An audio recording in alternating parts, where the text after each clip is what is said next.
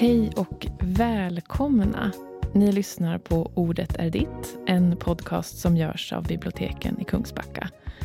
Och jag heter Freja Arvidsson och jobbar med det här projektet Ordet är ditt på biblioteken och det handlar om muntligt berättande.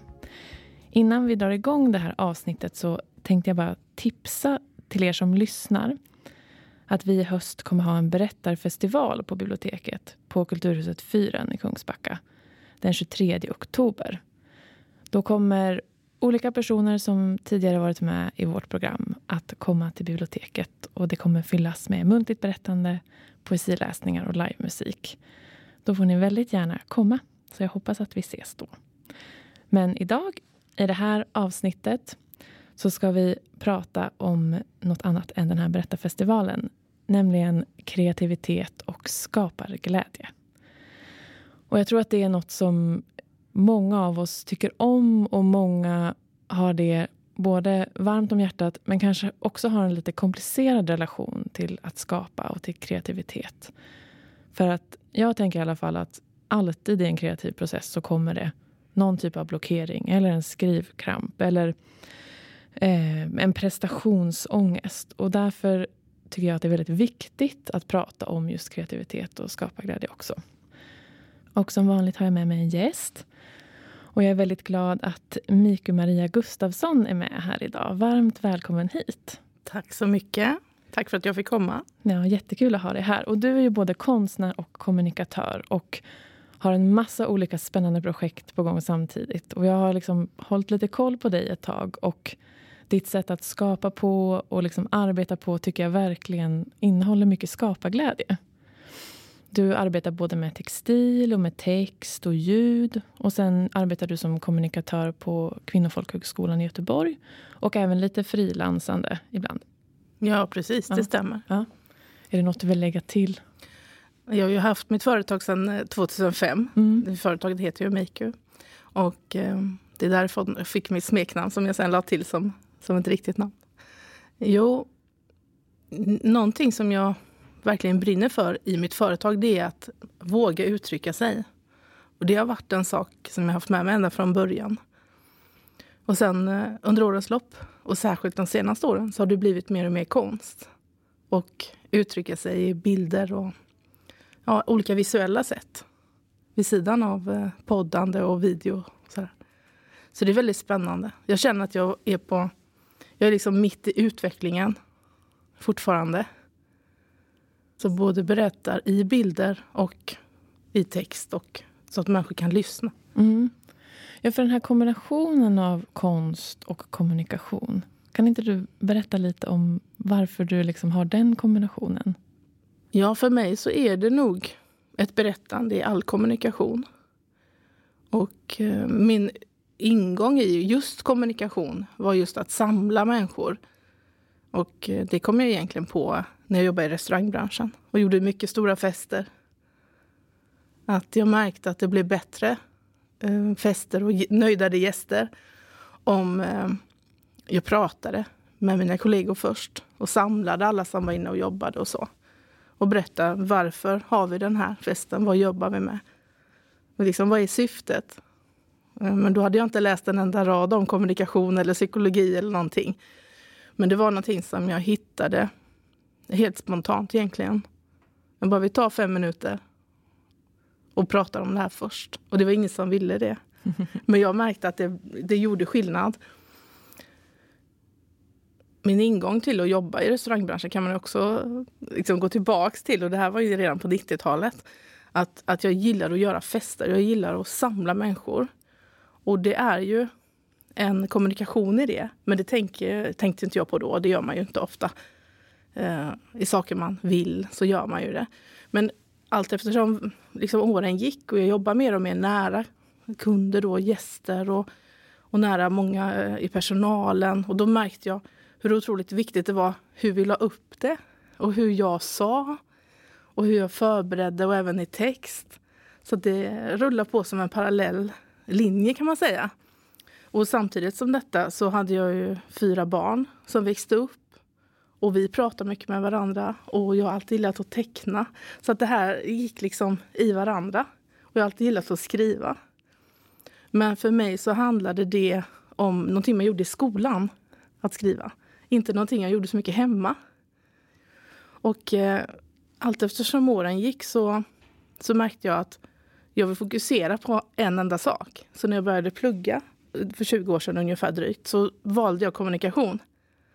Och det här var ju innan sociala medier. Så det var ingenting som människor gick och pratade om så mycket. Att, eh, man vill fokusera på kommunikation. Utan det var ofta ledarskap eller andra saker. Och då var det hälsopromotion jag började plugga. Men jag hade märkt redan att det gjorde skillnad hur vi pratade med varandra och vad det var för innehåll. Och då hade jag med mig det i både psykologi och pedagogik och så som jag läste.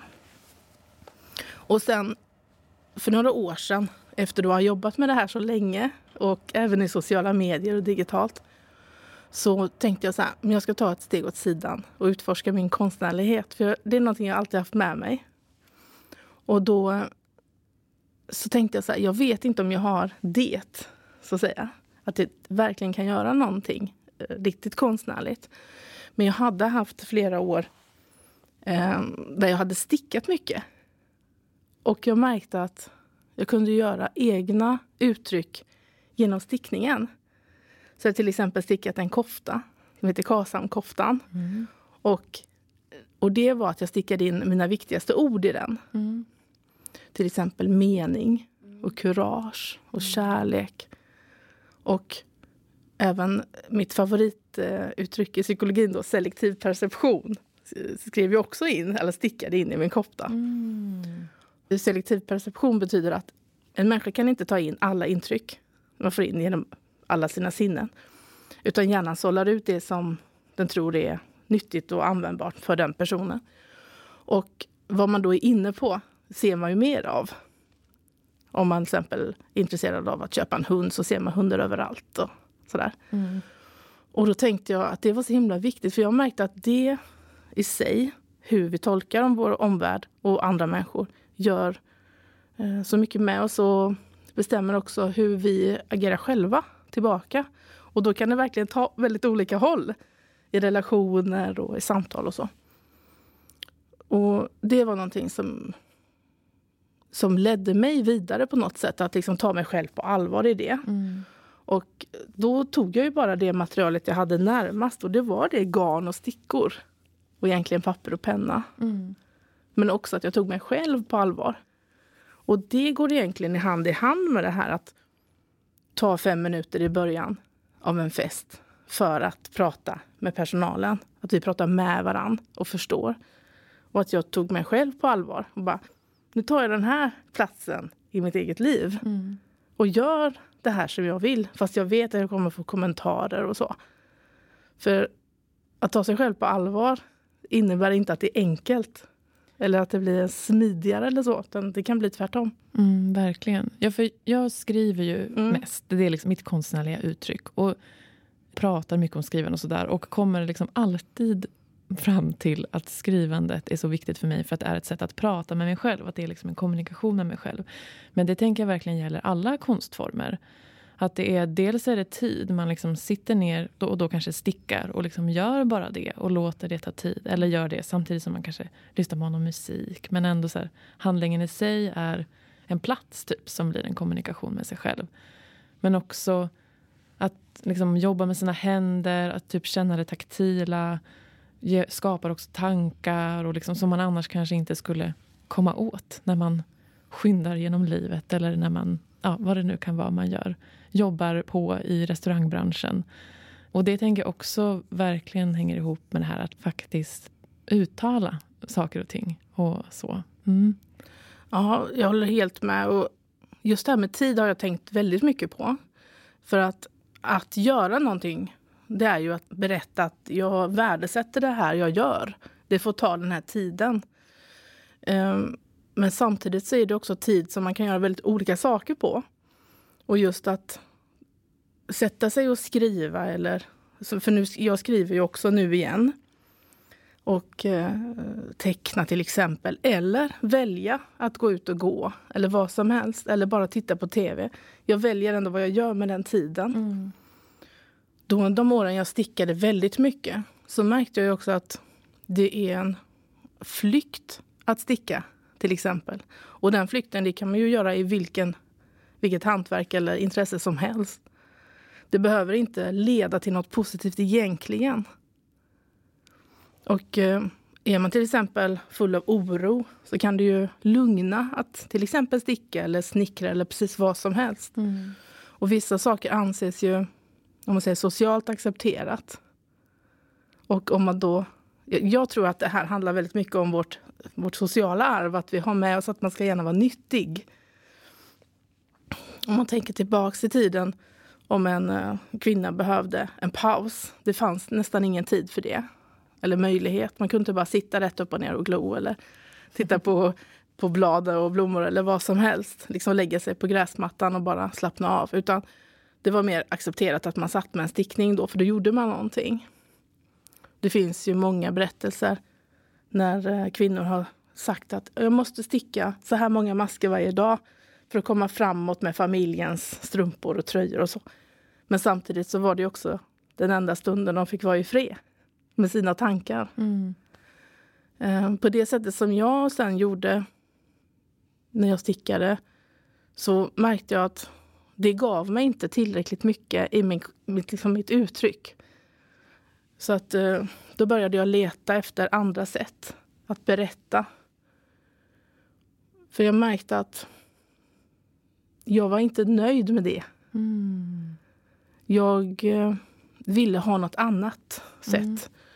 Och jag började tänka på mitt eget liv och då jobbar jag ju för fullt som konsult. Och äh, märkte att på något sätt så kände jag att ska jag testa något annat så är det nog nu. Och då eh, passade ihop på olika sätt. Och jag tog också det medvetna beslutet att ta ett steg åt sidan. Mm. Och det var just då jag, jag gjorde den här Karlshamnkoftan. Mm. Men efter ett tag så tänkte jag att eller på något sätt så kände jag att jag når inte ända fram om jag, är, om jag bara gör det jag kan. Nej. Jag kan sticka, jag kan skriva en text, jag kan teckna någonting. Men det blir inte det som jag vill. Och, och jag känner att jag har så mycket i mig som jag vill berätta. Men jag har inte hittat ett sätt att göra det. Jag hade ju hur många bloggar som helst. Jag hade poddar, Youtube-kanal, allt möjligt. Och, och många människor som lyssnade. Jag skrev krönikor och jag gjorde allt möjligt. Men det var som att det inte var att jag inte nådde ut på riktigt. Mm, mm. Och äh, egentligen inte det här att nå ut som var så viktigt utan det var att jag inte kunde formulera mm. min berättelse. Nej, kanske att, att liksom ett behov att nå in också, tänker jag. Precis. Ja, och först nå in i mig själv. Mm. Men jag, och då tog jag mycket tid till det, men det räckte ändå inte. Så jag har verkligen gjort det, jag har verkligen tagit mycket tid. Mm månader och månader och månader. Och så tänkte jag så här att jag måste verkligen, om jag ska respektera mig själv och inte vakna upp sen när jag är 80 och tänka jag gjorde aldrig det där jag ville. Jag ville verkligen inte hamna där. Och för jag har äldre personer i min närhet som har berättat om det. Att de inte gjorde det där som de alltid hade tänkt mm. och som de alltid hade velat. Och tänkte så här, jag vill inte hamna där. Och då hade jag ändå gjort jättemycket kul och spännande och utvecklande mm. saker. Så då tog jag mig själv på allvar på något sätt. Mm. Och så sökte jag till olika konstkurser.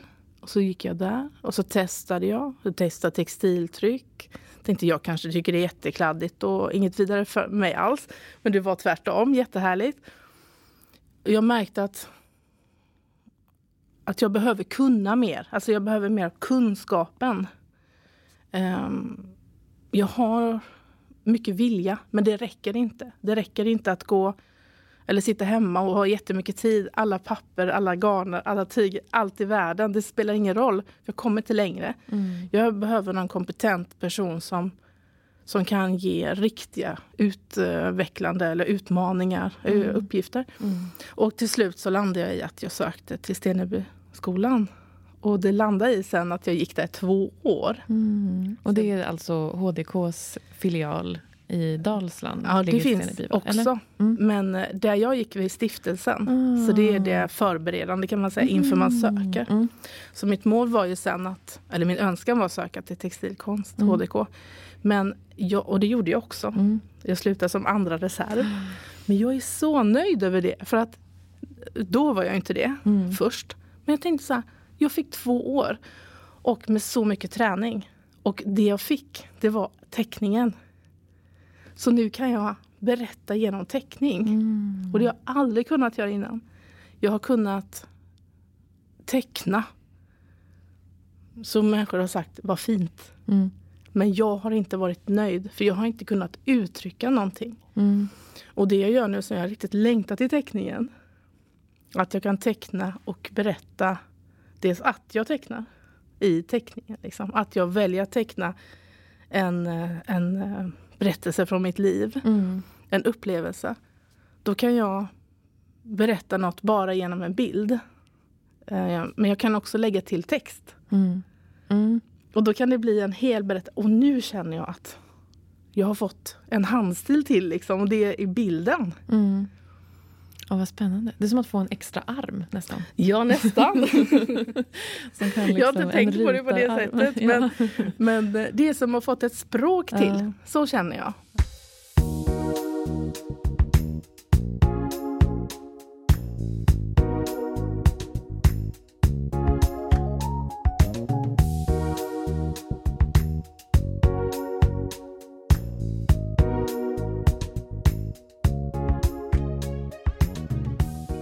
Det finns så många regler inom varenda sån här grupp och varje område. Och där känner jag att jag skulle vilja vara lite fri. Och hitta, hitta min egen eh, röst. Mm. Eh, vilket de flesta vill såklart. Så att nu så, så är jag väldigt inne på att göra det så enkelt som möjligt. Mm. Att, eh, jag har nästan alltid papper och penna med mig. Jag kan sätta mig var som helst och eh, teckna av någonting. Och jag kan spara några ord här och där. Och så tänker jag att jag skulle vilja samla ja, runt ett tema. Så nu håller jag på mycket med att gå och bada. För jag älskar att gå och bada. Och förra Mm. året var jag med i en badutmaning och då badade jag över 200 gånger Oj. på 102 platser. Oj, det låter helt underbart. Ja, det Jag var underbart. Att bada. Ja, och, ja, vad härligt. Och det var perfekt förra året också. Mm. När man inte kunde göra så mycket. Mm. Och, nu, så, och så skrev jag upp alla de här platserna och så har jag tecknat några platser. Mm. Och så har jag fortsatt att teckna.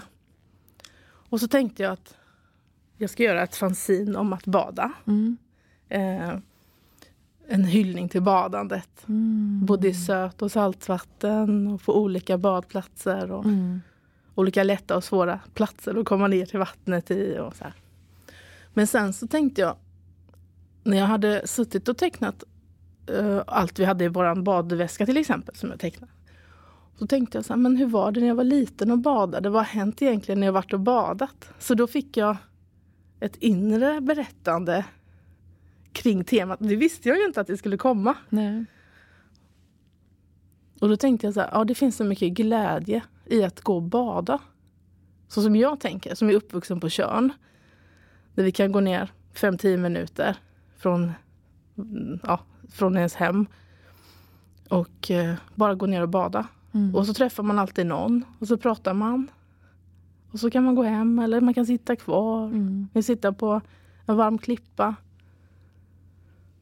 Och så får jag upp de här bilderna i huvudet. Mm. Och så tänkte jag, ah, men vad har hänt egentligen när jag gått och badat? När jag var riktigt liten så hade jag en simring. Och så låg jag och plaskade. Och det här var när jag var sex år ungefär. Och så en dag så krockade jag med en annat, ett annat barn. Och så blev vi ju jätteförvånade. För att båda två hade sparkat så att vi, vi åkte ju bakåt. Så vi såg ju inte bakåt. Och så krockade vi och så skrattade vi och så pratade vi. Och så hette hon Susanne. Och så gick vi så här till den ena mamman och till den andra mamman. Papporna jobbade så vanligt på den tiden. Och eh, så sa vi hej till mammorna. Fast vi var så små. Och det var så himla kul. Och det här var på en badplats i Rönning. Mm. Och sen var vi bästa kompisar. Och började i samma klass. Och så var vi kompisar ända upp i sexan och där blev vi väldigt olika som personer. Vi liksom utvecklades åt två olika håll. Men det hände ju på en badplats. Ja, vad spännande att det liksom... För det låter ju som att du verkligen har en kreativ process igång hela tiden. Du samlar mm. eh, och sen har det liksom flutit ihop med livet där du mm. badar mycket. Och så har det fått bli den kreativa processen. Och sen att badandet som tema har sen lett till historier och liksom berättelser. Och återigen kommunikation. Ja, jättefint verkligen. Ja. Det känns så associativt. Och jag tänker också, mm. ofta för mig i alla fall så handlar kreativitet mycket om förmågan att associera och förmågan att liksom tillåta mig att associera och liksom vara så där spretig. För att det är typ då jag hittar någonting spännande som jag sen vill fortsätta på. Eh, nu är inte det här så spretigt men det är ändå verkligen associativt. Liksom, att, att det ja, vad fint att också mm. minnas då en gammal vänskap mm. tack vare att man skriver och liksom tecknar sitt badande. Mm. Ja, jag håller helt med. Och då börjar jag tänka, vad hade vi i, i um, alltså picknickväskan? Mm. Och vad brukar jag ha på smörgåsen? Och så kom jag på att när jag var i mellanstadiet någon gång så ville jag verkligen vara i fred en dag. Men så ville jag inte säga att jag skulle gå och bada själv. Och då, eh, för, jag kom på att mamma brukar köpa en tub pickles och det var inlagda grönsaker i majonnäs. Jag tror det finns fortfarande. Mm, det Och det var typiskt sommar för oss. Så hade vi det på mackorna då.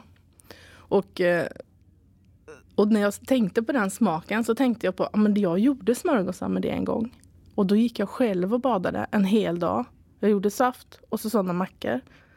Och då kom jag på hur brödet var. Jättegott. God limpa med såna här stora kärnor. Jag har alltid gillat fullkorn och så. Och så tyckte jag det var så gott och så packade jag den här väskan för att gå och bada. Och så frågade mamma vem jag skulle bada med.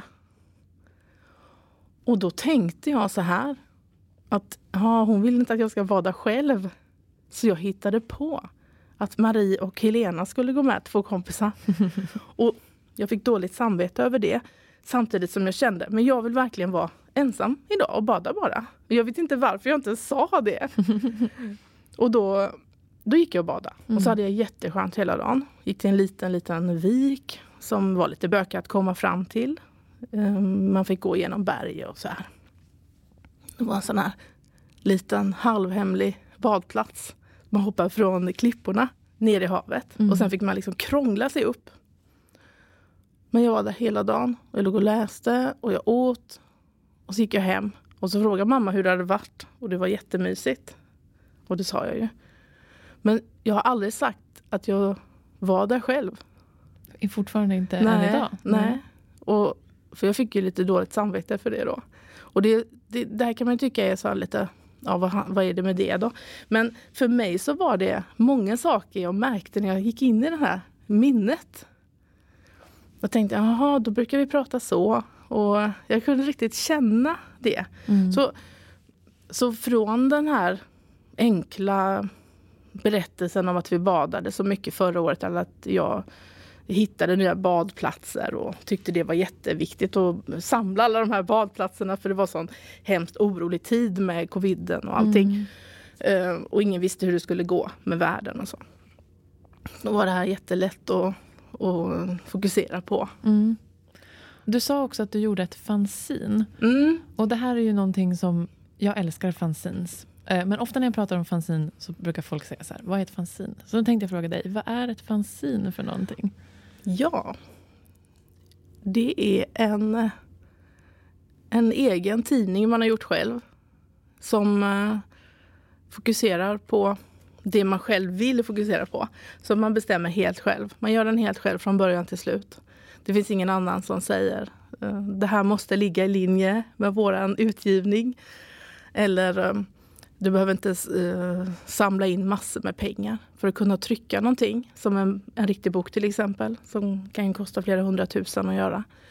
Utan ett fanzin, det är verkligen din egen röst.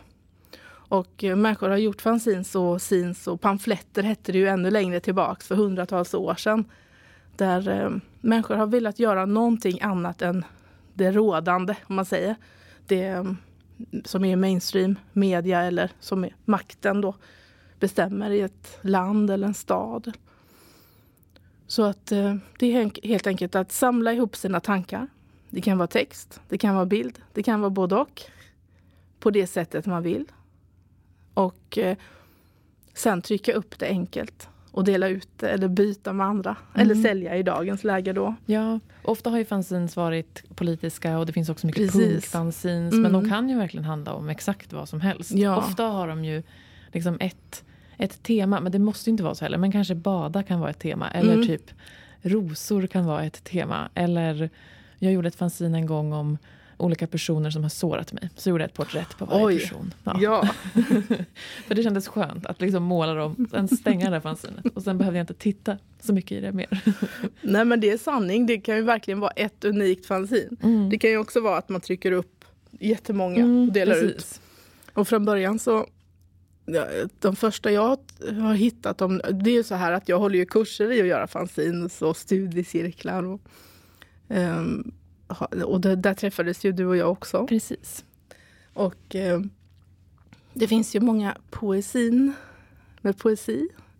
Men ett sin kan egentligen handla om vad som helst. Och ordet kommer ju från fan magazines från 30-talet. Eh, mm. Där man gjorde om science fiction. Det var ju det första. Och då förkortar de det till fanzine sen. Och sen blir det scenes. Alltså egna magasins mm. helt enkelt. Mm. Men tidigare, så till exempel eh, för över hundra år sedan, så när det kallades pamfletter, alltså enkla foldrar eller flyers kan man säga. Då var det ju en viktig del att nå ut för suffragetterna i kvinnoröstkampen i eh, England, och, men även Sverige och USA. Då. Mm. Så i kampen att få in eh, allas röster i de rådande och styrande skikten i, i olika länder så behövde man nå ut med de åsikterna. Och det var inte så poppis. Så de stora tidningarna vill ju inte ta in de här. Och det, det är ju det som har varit om man säger, energin, tycker jag, i fanzines. Att det finns att det, det finns någonting man verkligen, verkligen vill säga. Och du får inte säga det där de flesta läser. Mm. Och det var ju så i början på punken också. Eh, musiktidningar ville ju inte ta in någonting om punk. Tyckte inte att det var riktig musik. Nej. Och sen när, eh, när kvinnor började göra punkband och rockband på 90-talet i, i, till exempel då i USA så eh, var de ju inte välkomna. Ibland Nej. inte att spela heller. Nej. Utan eh, alltså det är så lätt för oss idag, 2021, så här att tänka att ja, men alla, har, eh, alla kan uttrycka sig. All, det finns massor med, med kanaler för alla. Men det är ju inte så. Det är ju inte så idag heller. Och för mig så har fanzines och Zins blivit en jätteviktig eh, kanal kan man säga. Det låter så plastigt eller professionellt på något sätt att prata kanaler. Men det har blivit sätt där precis vem som helst kan samla ihop sig på något sätt och faktiskt uttrycka sig. Och, och, och det går till, för mig går ju det tillbaka till det jag ville göra för över 20 år sedan. Mm. Att, att eh, liksom alla ska kunna säga det den vill. Och även om det känns läskigt eller ovant så är det bara att fortsätta. Och då gäller det bara att man har den här stöttande eh, stöd, stödjande miljön mm. runt. Mm. Så att man faktiskt vågar det. Och, och man får gärna göra väldigt enkla grejer först. För att jag tror att bara att skriva ner sina tankar på ett papper, vika ihop det och ge till någon. Alltså det, så, det kan vara en omvälvande känsla. Det kan vara livsomvälvande för den människan. Och det kan vara det för den som läser. Mm. Men det vet man inte först. Nej. Man måste testa. Och det kanske blir så här, ja, jag, jag, skriver om att jag har gått och badat. De här platt, badplatserna är bra, jag kan tipsa om en lista. Men rätt som det så kommer de här tankarna som, som jag berättade om. Att du vet aldrig var det tar vägen. Och det tycker jag är så himla häftigt. Mm. Och eh, om man säger från min bakgrund med utbildningar och så, så har jag ju läst mycket psykologi och, och pedagogik och människors utveckling. Och alltså jag är helt fascinerad över vad människor kan göra. Du behöver egentligen inte leta någon annanstans än hos en människa som bara har, du har bredvid dig. För det kan komma precis vad som helst som kan sätta fart på någon tanke och, och få dig att byta spår lite grann så här och så gör du något annat och rätt som det är så är du väldigt långt borta mot det du hade tänkt. Mm. Precis som man inspireras av och färgas och formas av andra människor mm. också. Och kanske få en aha-upplevelse mm. eller, eller bara tänka jaha, ja så kunde de göra. Mm. Då, kanske, då kanske jag kan berätta det här. Är det intressant för någon mm. annan? Ja det kanske är jätteintressant. Mm. Eller det kanske bara är intressant för dig. Ja men det är inte så bara. Mm. Men verkligen. Alltså, jag måste bara hoppa tillbaka till den här KASAM-koftan. Kan inte du berätta vad KASAM betyder? Ja, såklart. KASAM är en teori eh, om eh, som en eh, man som heter Aron Antonovsky. Eh, han kom fram till den här, han undersökte egentligen något annat. Men han undersökte människor som hade varit med om väldigt svåra eh, händelser, alltså extremt svåra händelser i livet. Och så märkte han att en del av de här, de klarade sig ändå rätt så bra. Och istället då för att göra som man ofta gör inom psykologi eller medicin, eller så man går på de som som har det sämst. Och så undrar man, hur blev det här med dig och hur påverkade detta dig och så. Så gick han till dem som faktiskt klarar sig. Så, ja, då, jag har varit med om allt det här hemska. Men jag lever rätt så bra ändå. Och då undersökte han och så kom han fram till att det handlar om att de har en känsla av sammanhang. Och på svenska är det då KASAM. Mm. På engelska det sense of coherence. Mm. Och eh, då upptäckte han tre olika områden. Och då är det att man begriper vad man har varit med om, alltså begriplighet. Mm, mm. Och att man kan hantera det. Hanterbarhet. Och sen då meningsfullhet. Mm. Att man ändå upplever att det är en mening med det jag gör. Mm. Ja, för jag tänker, alltså under den här liksom tiden när jag har tänkt mycket på kreativitet och också tittat på det som du skapar och jobbat med, så har jag tänkt väldigt mycket på det, just det här med meningsskapande och också sammanhang. Och det första ordet på din Kasam-kofta, högst upp, för det är ju då en kofta som du har, har sytt, eller stickat menar jag såklart, eh, li, alltså lite improvisationsmässigt va? Ja. Eller du har inte haft något mönster, du Nej. har stickat, och sen har du stickat in ord och högst mm. upp så var ordet mening, eller hur? Mm. Ja. Eh, och som sagt, det hänger ju verkligen ihop med det här liksom, mm. känsla av sammanhang och mening. Och också kanske med liksom, själva görandet av mm. koftan, tänker jag mig i alla mm. fall. Men också verkligen, verkligen med skapande. Att det liksom både ger en mening till ens liv att uttrycka sig konstnärligt och att skapa. Men också att i skapandet och i konstverken så finns det ofta en mening. Alltså man vill säga någonting. Som i de här fanzinesen, man har någonting att säga. Mm. En mening är ju också en mening. Där det ofta finns då en handling eller en åsikt. Och jag har liksom, ja, tänkt mycket på det här hur kreativitet och mening hänger ihop och liksom vikten av sammanhang. Och, ja.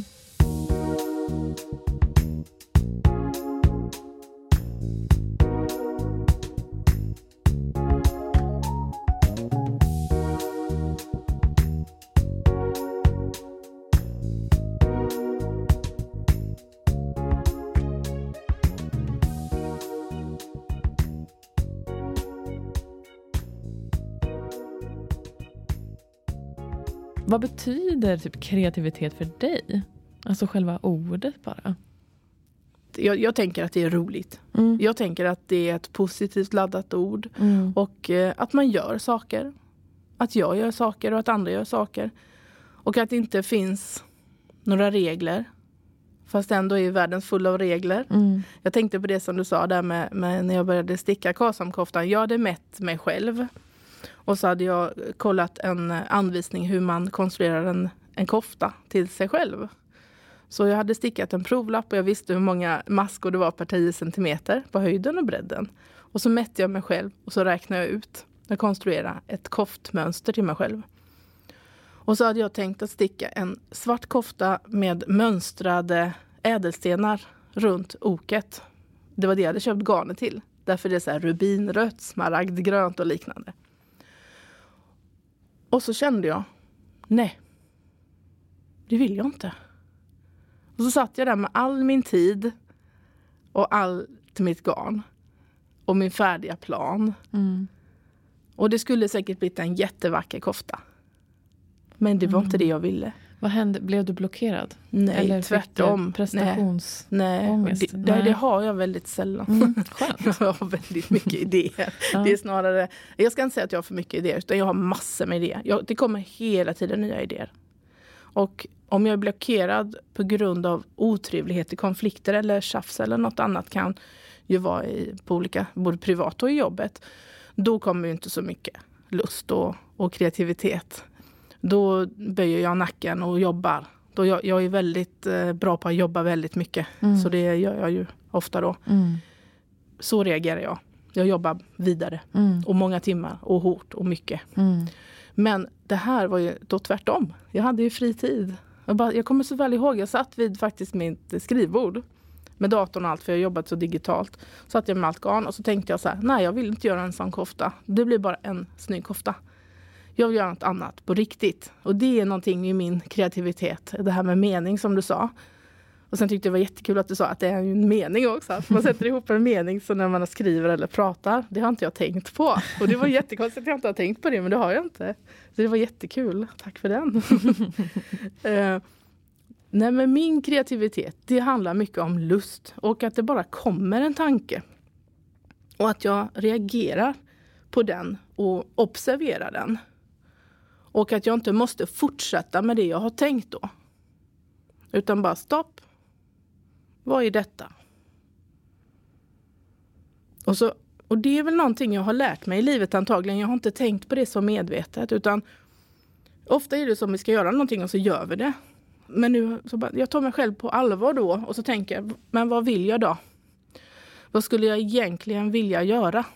Och egentligen nu, sett så här, vad är det, fyra, fem, fem år sedan jag stickade den. Och jag har gått på konstskola, jag har tänkt, jag har tagit mig själv på allvar. Jag har verkligen jobbat hårt med att få ihop händer och blick och hjärna och allt det här. Det har varit jättetufft. Många timmars kämpande.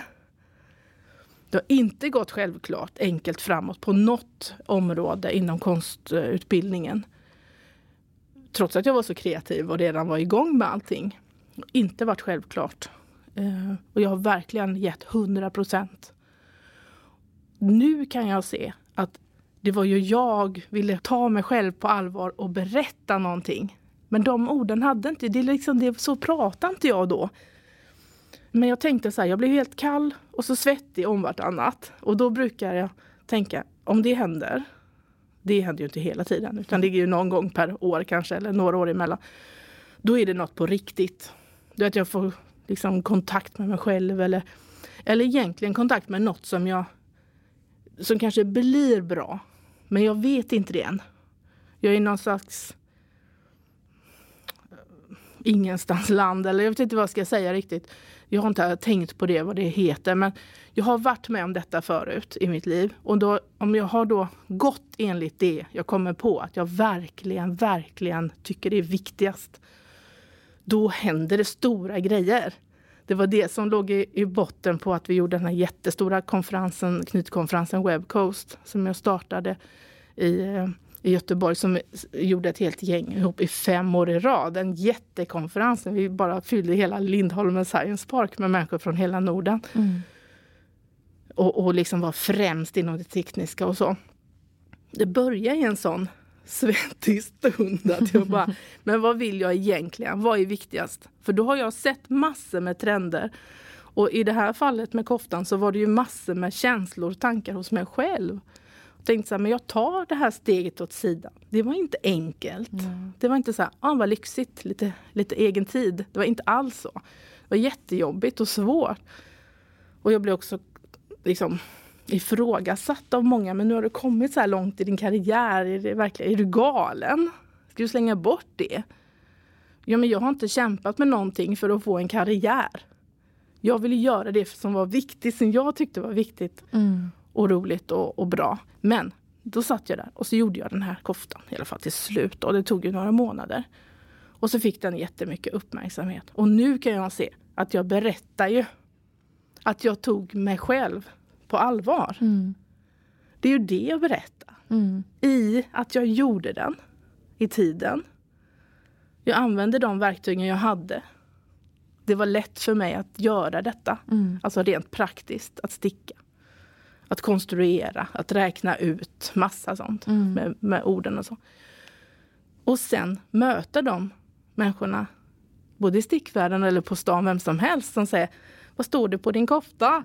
och så säger de någonting och så bara, det här har jag tänkt på, eller det var bra, eller det var konstigt. Mm.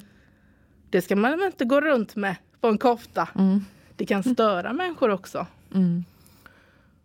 Så egentligen så, i mitt liv så är kreativiteten alltid där.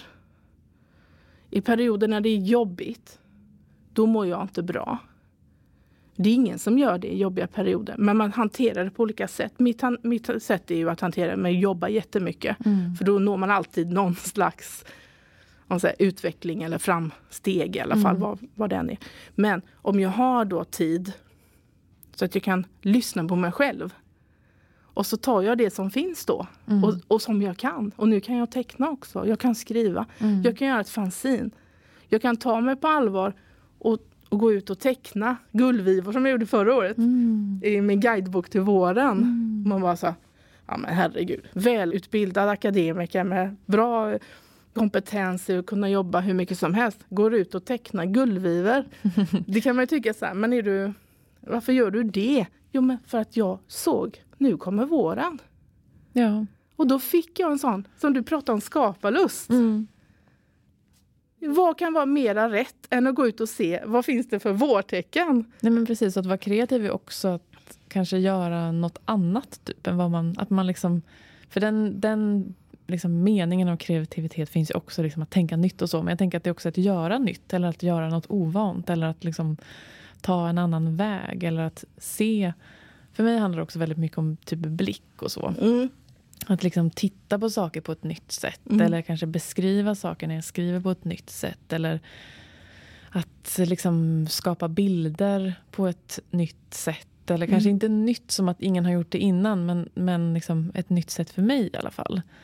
Eh, för det måste ju inte vara att man alltid liksom levererar så världsomvälvande idéer. Utan det kan ju vara något som är omvälvande för en själv. Liksom. Mm. Att man lyfter blicken. Och ja, Och jag målar tänker också, gullviva till exempel. Ja, Mm. precis. Och bara, ja men hur ser en gullviva ut egentligen? Jag Mm. fick teckna väldigt många och sitta och titta på dem och följa linjerna och kanterna. Och vilken gul färg är det? Mm. Och är det ens det jag vill teckna? Alltså så Mm. här.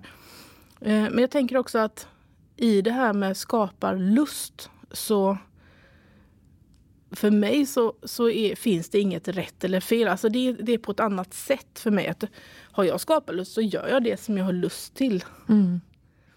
Då är det inte en ram eller så. Nej, Eller ett facit. nej. Eller någon ska säga det där är fel färg eller ja, men det, det är Nej, inte det- där. Nej, det, det stryper ju verkligen Mm. ens skaparlust och ens kreativitet. Och det är ju inte heller...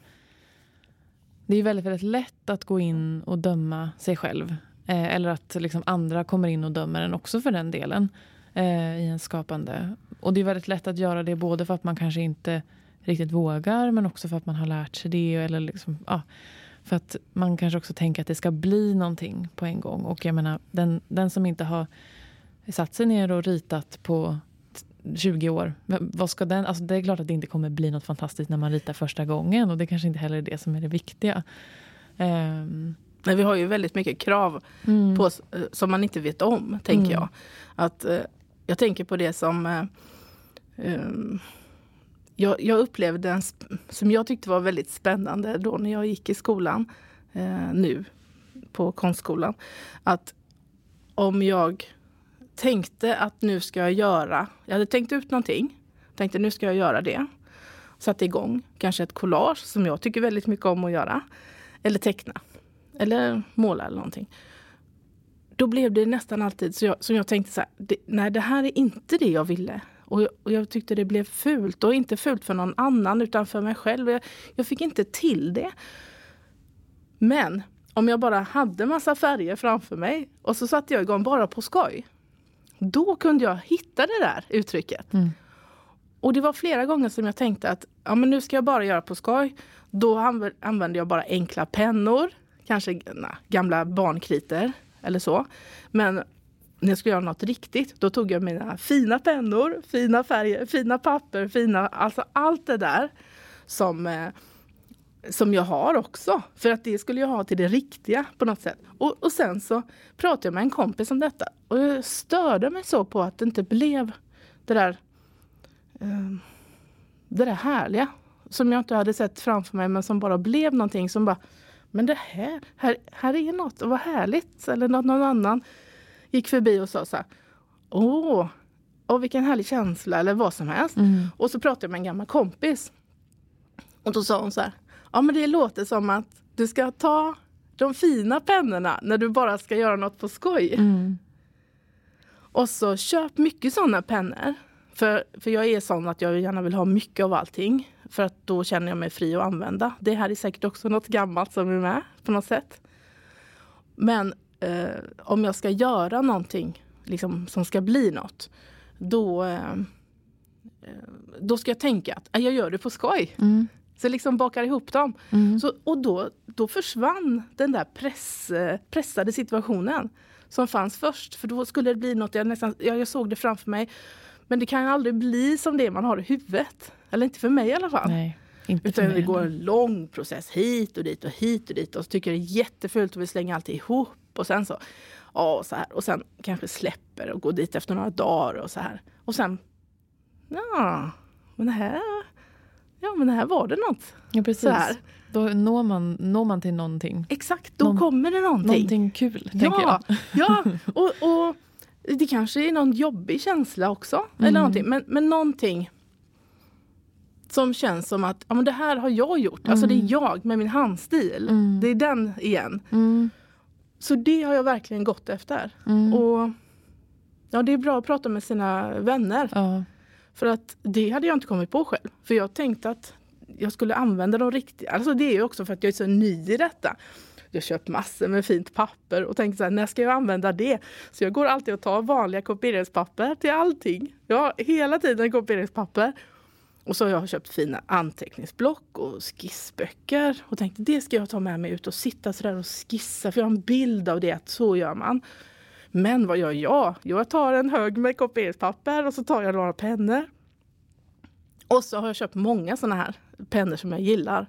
Och eh, det har jag med mig. Och det har jag alltid med mig nu. Mm. Och det är det jag använder. Då Ja. tänkte jag, ja men det är väl mitt sätt då. ja.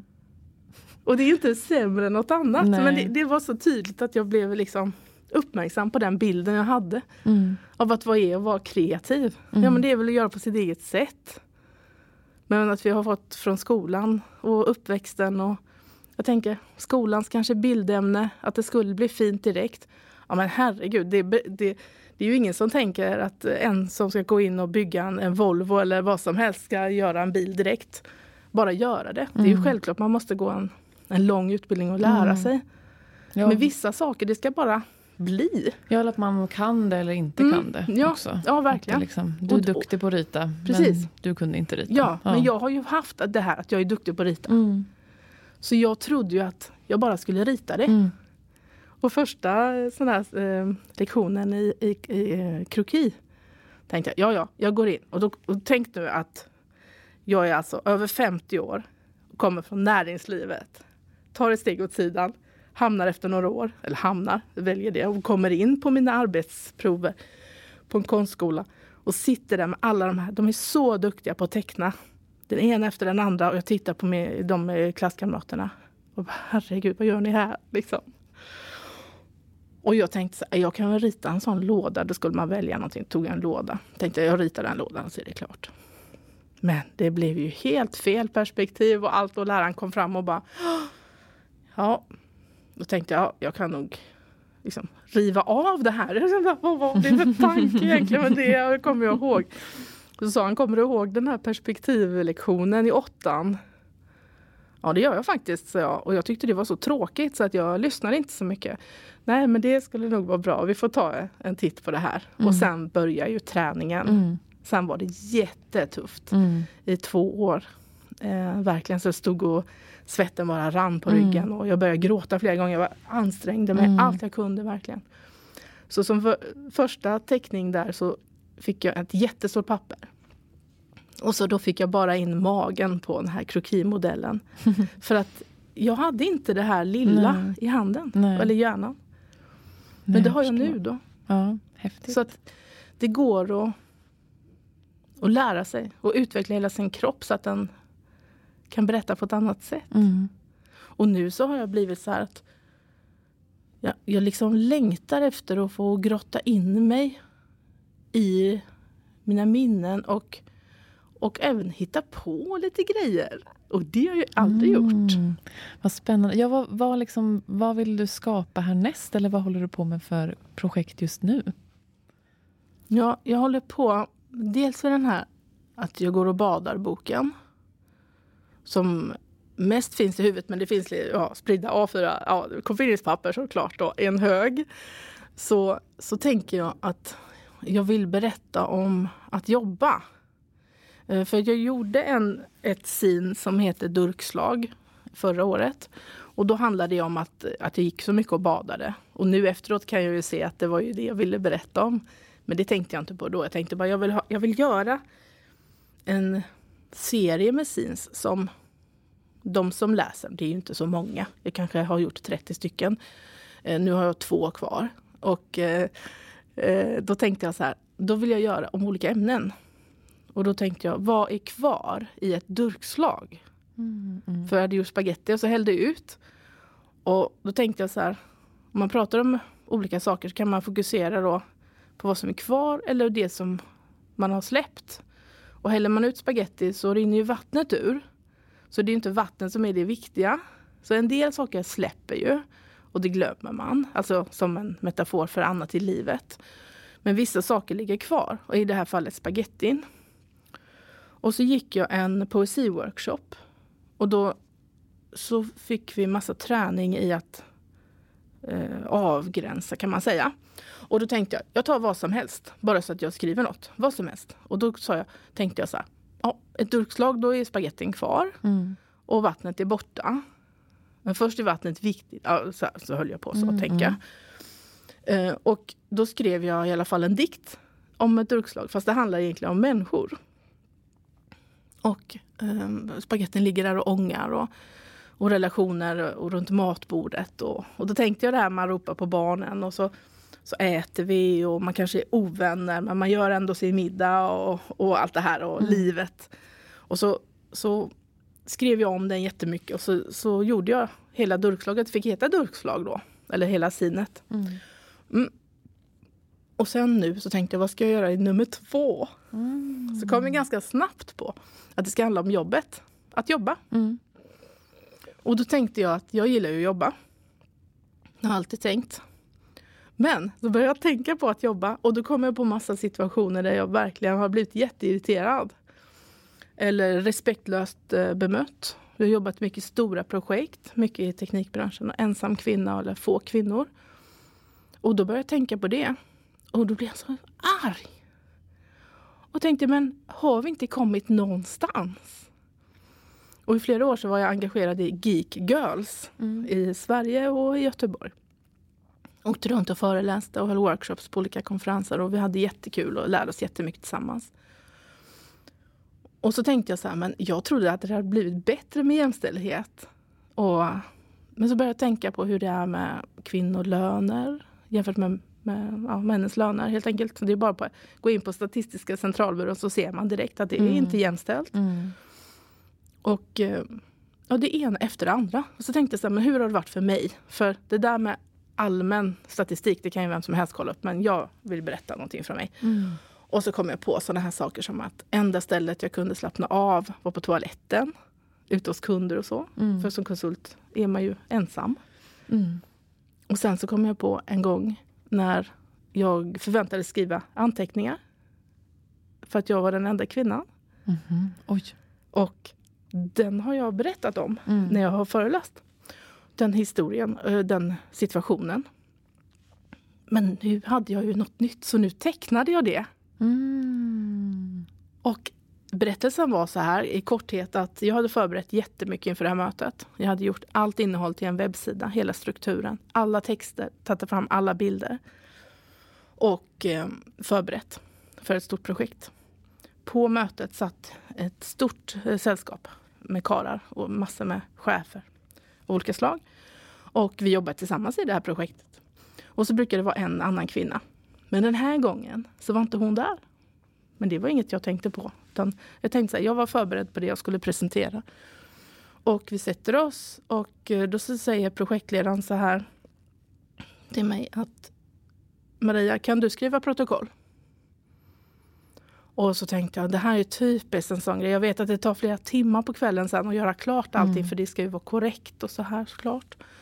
Paragrafer och hit och dit. Jag visste hur mycket arbete det var. Och då tänkte jag, jag har gjort allt det här andra. Eh, som är riktigt och arbetsinnehåll och allt det här. Så tänkte jag, säger jag nu nej så blir det jobbigt. Det blir en besvärlig situation och man vill gärna slippa det. Men det är faktiskt inte, det är inte jag som ska skriva det här. Det, det han bara forsar genom huvudet supersnabbt. Mm. Så tänkte jag också så här, säger jag ja så får jag bara skriva det, jobba hela kvällen och sen är det ingen som tänker på detta. Nej. Och alla de andra var äldre än mig. Nej, tänkte jag. Jag säger, jag säger nej. Och det är inte bara för mig utan för alla kvinnor. Det här kan låta väldigt storstilat så här. Men jag var väldigt aktiv då i att föreläsa om, om eh, kvinnor och, och eh, kvinnor inom tekniska branschen. Det var också där jag jobbade. Så att jag kände så här. Nej. Jag säger nej vad det än tar. Jag kände att jag började bli lite varm i huvudet. Mm, då kom den där värmen igen. Ja, ja. precis. den viktiga just värmen. Det, just det, det har du rätt i. Det har inte jag tänkt på. Jag tänkte bara, att jag blir så himla svettig. Och så säger jag så här, nej, nej, det gör jag inte. Och då så kommer den här repliken från mötets ordförande. Han vänder på huvudet och tittar på den platsen som är tom, där den andra kvinnan brukar sitta. Så säger han, men Anna är inte här idag. Mm. Och då blev jag förbannad. Mm. Då liksom jag kände så här. Och tänkte, då, för, då var jag inte försiktig alls. Utan då sa jag bara att Anna är inte här idag. Alla här inne kan väl skriva? Och då började då alla de här karlarna, istället för att någon bara säger så här, ja det är klart jag skriver. Mm. Så, så böjde de ner huvuden och sa hum, hum, hum, hum, hum. hum. Mm. Ja. Och jag satt och tänkte så här, är det detta? Är det så här det är? Är det detta jag jobbar med? Och att det inte är mer respekt för min tid och kompetens än så här. Mm. Att ingen annan kan ta pennan och skriva det jäkla protokollet. Mm. Och då var det ju en besvärlig stund. Och då är det väldigt lätt att man säger, jag skriver. Herregud, enkelt. Men det gjorde jag inte, jag höll mig. Också rätt som det så är det en, den yngsta av de här karlarna, som säger så här, jag skriver. Åh, vad bra, sa de andra. Och då blev ju han dagens hjälte. Som skrev det här ja. mötesprotokollet. Och då tänkte jag så här, det här är ju inte klokt. Jag fick verkligen en sån stark känsla mm. som, jag, som jag har haft med mig så mycket sedan dess. Mm. Och det här kanske är ja, 15, 15-20 år sedan. Ja, 15 år sedan är det nog. Och eh, jag har berättat om den som sagt. Och folk har diskuterat kring det. Och eh, både män och kvinnor. Och så man, ja men vem som helst kan skriva. Ja, visst, men sitt på ett möte och säg att du skriver då. Mm. Säg inte bara det i tanken så här som en idé som vi pratade om innan. Mm. Utan det är handlingen. Att man faktiskt gör någonting. Det är det som gör skillnad.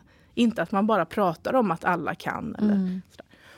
eller att det är väl inget med det. Mm. Nej men gör det då först tio gånger så kan du säga något om det. Och ja, så blev det så här den här andra mannen eh, pratade, eller skrev menar jag. Um, och sen så ja, presenterade jag mitt. Då. Mm, det var inget mer med det. Och så åkte vi på lunch och efter det så är det en, den äldsta av de här som väntar in mig efter lunchen. Och eh, så trodde jag han skulle säga någonting om vad bra det blir på hemsidan. Mm. Men det sa han inte. Mm. Utan han sa, gå inte på så hårt på mötena.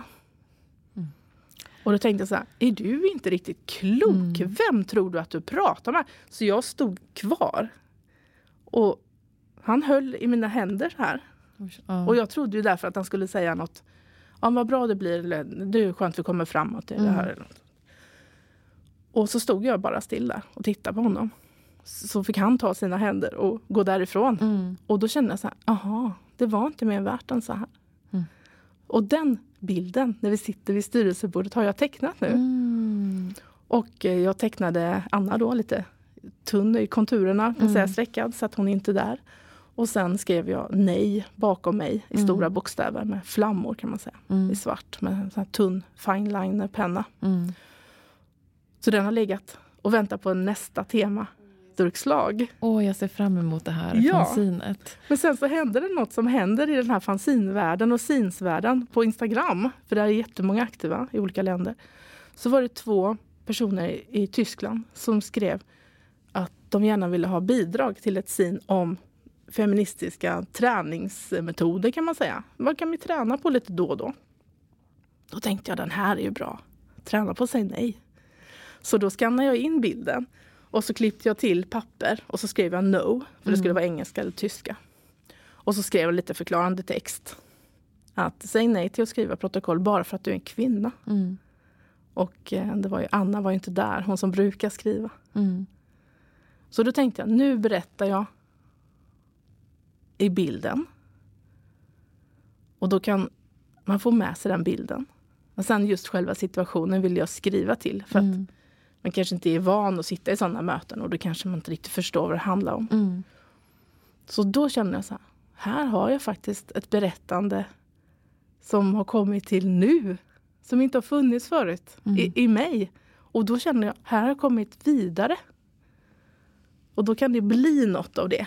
Liksom. Den här lusten eller vad man kan kalla det, det är liksom en vilja. Mm. Ja. Tack så jättemycket för att du har kommit hit idag. Det har varit så kul att prata om det här. Och jag hoppas att ni som lyssnar också har kunnat ta med er liksom era favoriter och godbitar. För jag tänker att det är liksom sprängfyllt av massa, massa tips här och liksom knep. Även om vi kanske inte har liksom så spaltat upp tipsen så finns det så mycket. Jag är väldigt sugen på att liksom skriva och också rita. Ge det, mm, ge det lite tid. Och göra fanzines. Ja, man kan Ja. hitta sitt eget sätt. Det är det som är så skönt med kreativitet. Mm. Man behöver ingen lista. Mm. Man kan göra sin egen lista. Ja. Tack så mycket för att jag fick komma. Ja, tack. Och ni har lyssnat på Ordet är ditt som är en podcast som görs av biblioteken i Kungsbacka. Ni får jättegärna följa oss på Facebook. Där heter vi Ordet är ditt. Eh, och där poddar finns, men det är kanske där ni lyssnar nu. Men då heter vi också Ordet är ditt. Och så hoppas jag att vi ses i oktober på Fyrens kulturhus i Kungsbacka.